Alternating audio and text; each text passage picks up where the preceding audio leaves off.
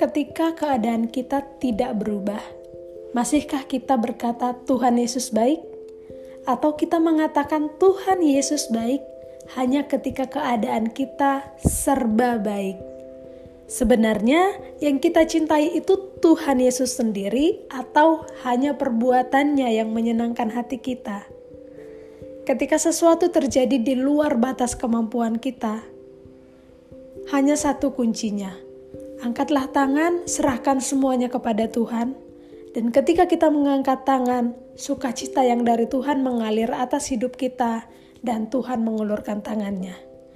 Jangan sampai keadaan kita yang tidak baik mengubah hati kita menjadi berdosa. Bersukacitalah senantiasa, jagalah hatimu dengan kewaspadaan.